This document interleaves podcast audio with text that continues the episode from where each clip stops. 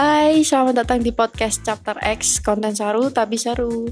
Episode kali ini adalah episode bonus, lanjutan dari episode sebelumnya tentang pekerja seks komersial. Di mana di episode kali ini aku mau ngebahas khusus tentang si konsumennya nih. Dari resikonya sampai penyebab seseorang suka jajan. Nah, langsung aja ya ke bahasannya. Bahasan pertama ini tentang resiko. Resiko seseorang yang suka jajan di luar pasti kita udah sangat paham banget kalau HIV adalah salah satu resiko terbesar kalau kita suka jajan di luar.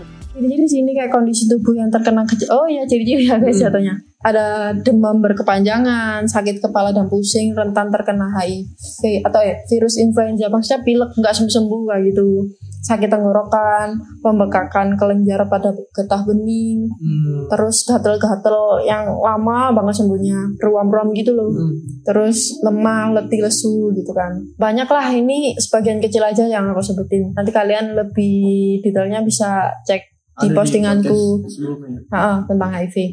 Terus HPV human papilloma virus uh, semacam virus-virus yang dapat menyebar ketika berhubungan seks dengan orang-orang berganti. Ada kutil gitu guys. Tumbuh kutil terus rasa gatal di daerah selangkangan mm -mm, betul. Terus bisa jadi kutu di itu. Jembutnya iya. Iya beneran. Ada bukan di kan rambut kepala doang ya? Iya. Ada pendarahan saat berhubungan seks dan kemungkinan kemungkinan buruk lain lah Soalnya kan ini karena bergantian, belum tentu nyediain kondom juga. Itu kayak obatnya harus dikeramasin dulu ya. Yang karena aku tuh tadi pakai peditox dong guys. Sama kucing gitu. Pokoknya kemungkinan-kemungkinan gitu bahaya banget soalnya apa guys sudah penyakit dan ini bakalan terus saling menularkan gitu kan kasihan juga Menular sama pasangan. Juga ya? hmm, banget. Apalagi kalau udah punya istri ya. Nah, terus masih suka jajan terus pas lagi berhubungan sama istri. Hmm. Kutunya lompat kan semak-semak istri gatal-gatalnya bukan karena infeksi tapi karena karena kutu aduh. Terus ada ketagihan seks yang tidak wajar lah karena udah sangat udah sering ketergantungan sama oh, PSK itu canduan. dengan pola servisnya PSK jadi oh, kecanduan iya, jadi iya. susah apa ya susah sembuh lah kalau udah sering jajan gitu. apalagi biasanya kan uh, yang suka jajan itu punya hasrat seksualnya tinggi nah. terus dia punya istri istrinya nggak memberikan kepuasan gak, iya nggak bisa nggak bisa memberikan bisa jadi memberikan kepuasan tapi dia tipe-tipe orang yang kurang puas terus gitu hmm, mungkin ya atau di atas di daerah pinggangnya ada lubang Venus. Maksudnya? Soalnya aku pernah baca kalau ada laki-laki yang yang di daerah atas pantat ini di daerah Oh, ada yang ada lubang dua itu. Uh, yang nggak dalam-dalam banget dua gitu kan. Dia punya hasrat seksual yang lebih tinggi. Oh, gitu. aku baru tahu ini. Iya. Hmm. Soalnya aku ada. Itu mitos apa itu mitos sama fakta? Uh, itu kabar burung lah ya. Hmm Selain itu nih, selain resiko dari si konsumen juga ini juga berlaku buat si penjajah seks itu sendiri sih lebih bahaya lagi ada kemungkinan kemungkinan lebih buruk kayak aborsi, hmm. terus kemungkinan hamil itu buat si ah, ah kanker serviks mungkin oh, iya. ah kemungkinan kemungkinan yang lebih banyak lah dan bisa jadi uh, berhubungan dengan jiwa seseorang maksudnya mes, kematian gitu meskipun mereka berhubungan udah pakai pengaman gitu ah. tapi kan nggak untuk kemungkinan juga ada kondom bocor gitu kan bisa juga kayak gitu ada juga kan uh, lewat air liur iya betul guys kayak gitu mm -mm. penularan Terus itu kan ada dari kulit harus. juga kan penyakit penyakit kulit mm -mm. bisa nular ke kulit kondom nggak nggak kayak celana kan gitu cuma di batangannya doang ah, betul guys selain itu nih Terakhir aku mau jelasin beberapa alasan mengapa seseorang itu memilih berhubungan seks dengan PSK. Ini alasan-alasan yang umum sih. Yang pertama karena ingin mendapatkan seks dari wanita yang lebih jago nih. Kan hmm. ketika orang pengen PSK dianggap PSK itu orang yang udah ahli lah guys, sudah profesional gitu. Sebagai profesinya, jadi dia ada keinginan atau ketertarikan terhadap orang-orang yang lebih jago. Karena mungkin pasangannya kurang jago hmm. atau mungkin emang dia jomblo gitu guys. Bisa ada, jadi kan? ada faktor juga mungkin karena sering nonton bokep gitu. ah, betul. Melihat fantasi-fantasi yang bisa ngangkang jungkir balik ah, nah, dan gak bisa ditemuin sama pasangan sendiri. Hmm. makanya istri-istri harusnya belajar juga ya. Belajar biar suaminya nggak doyan jajan. Jajan. Uh, eksplorasi gaya dan servis ketika berhubungan seksual itu nggak salah kalau dipelajari karena hmm. itu kan bentuk apa ya saling pemuasan ketika berhubungan seksual. Terutama untuk yang untuk yang udah menikah gitu. Nah, dan itu enaknya maksudnya efeknya itu buat kalian berdua juga lebih hangat lebih, lebih intim ya, lagi. lebih intim, harmonis lah ya. terus yang kedua ini adalah salah satu cara mudah untuk mendapatkan seks. Jadi kan ketika kita sewa PSK itu cara mudah banget untuk kita nge-seks ibaratnya ada orang yang bermindset daripada aku ngentot orang nggak dikenal. Ibaratnya pemerkosaan gitu hmm. mending aku sewa PSK atau dia jomblo susah banget cari pacar. Dia mungkin sorry banget aku ngomong kayak gini. Mungkin dia buruk mukanya susah hmm. banget dapet cewek. Jadi cara dia segera dapat pemuasan seksual dari nyewa hmm. PSK itu tadi. Ya karena mungkin dia juga terlalu banyak duit ya kan, hmm. bingung cara menghamburkan uang, PSK jadi salah satu alasan ya kan. Dengan kalian yang kalau udah punya banyak duitnya itu kan buat beli tanah gitu. Buat trading. Iseng-iseng dapat duit itu ya. Terus yang terakhir ini uh, berkaitan dengan mental seseorang yaitu sindrom misogini. Oh, ini Bahasa sama sama kayak yang tadi kamu bilang ya, ada apa namanya? Mungkin dari fisiknya dia kurang, terus dia suka dihina juga sama uh, uh. perempuan. Dia dia punya masalah gitu uh, dalam mentalnya sama kejiwaan dia. Uh, sindrom misogini ini dalam arti ilmiahnya nih merupakan penyakit mental yang dapat menyerang pria yang memiliki trauma masa lalu. Hmm. Pria ini pada dasarnya mencari PSK karena membenci sosok wanita. Oh. Sehingga pria model seperti ini nih berusaha merendahkan perempuan yang dibayarnya. Jadi kayak pelampiasan gitu. Hmm, bisa jadi kayak Mas Surya tadi bilang karena dia jelek mungkin ya. Terus sering dibully sama cewek-cewek, sering ditolak gitu.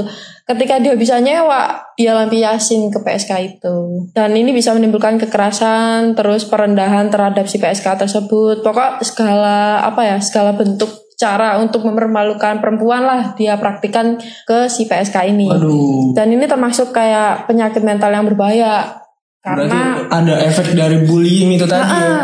Nanti takutnya gini ketika dia nggak kuat nyewa PSK, dia lampiasin ke pasangannya hmm, iya, iya, iya. atau bisa jadi ke orang lain hmm. ke, yang dia bisa nyulik orang atau gimana kan ada kemungkinan oh, yang lebih buruk lah jadi serem banget intinya oh, makanya kalian kalau sering bully teman-temannya gitu kan dipikir-pikir lah efeknya bisa ke orang lain ya. nanti jadi lingkaran setan balik lagi ke kalian juga ah, gitu kan? betul bisa jadi kayak gitu juga jadi kalau misalnya cewek-cewek nih yang lagi dikejar-kejar sama cowok pakai cara halus lah kalau yeah, nolak yeah, yeah. gitu guys jangan kejem-kejem banget soalnya ya adanya sindrom misogini ini membuka pemikiran kita bahwa ini juga berbahaya banget iya. ngaruh yeah. banget ke orang-orang sekitar kita gitu guys itu beberapa aja sih informasi-informasi tentang perlendiran mm. prostitusi PSK dan lain sebagainya yang kita tahu dan kita habis search hari ini juga.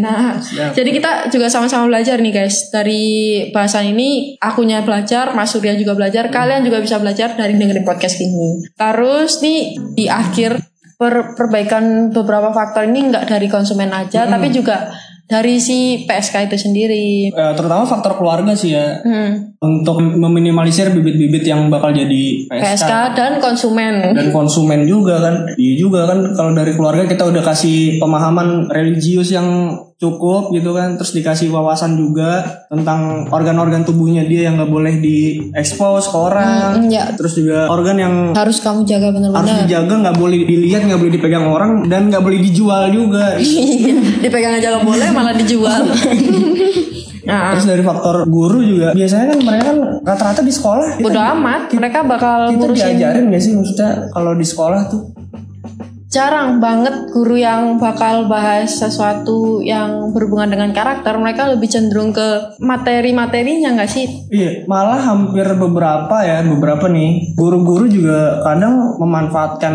si iya, siswanya. sis, itu banyak siswi. banget lah. Nah, iya siswinya maksud aku. Ya mohon maaf nih biasanya pas lagi olahraga gitu kan.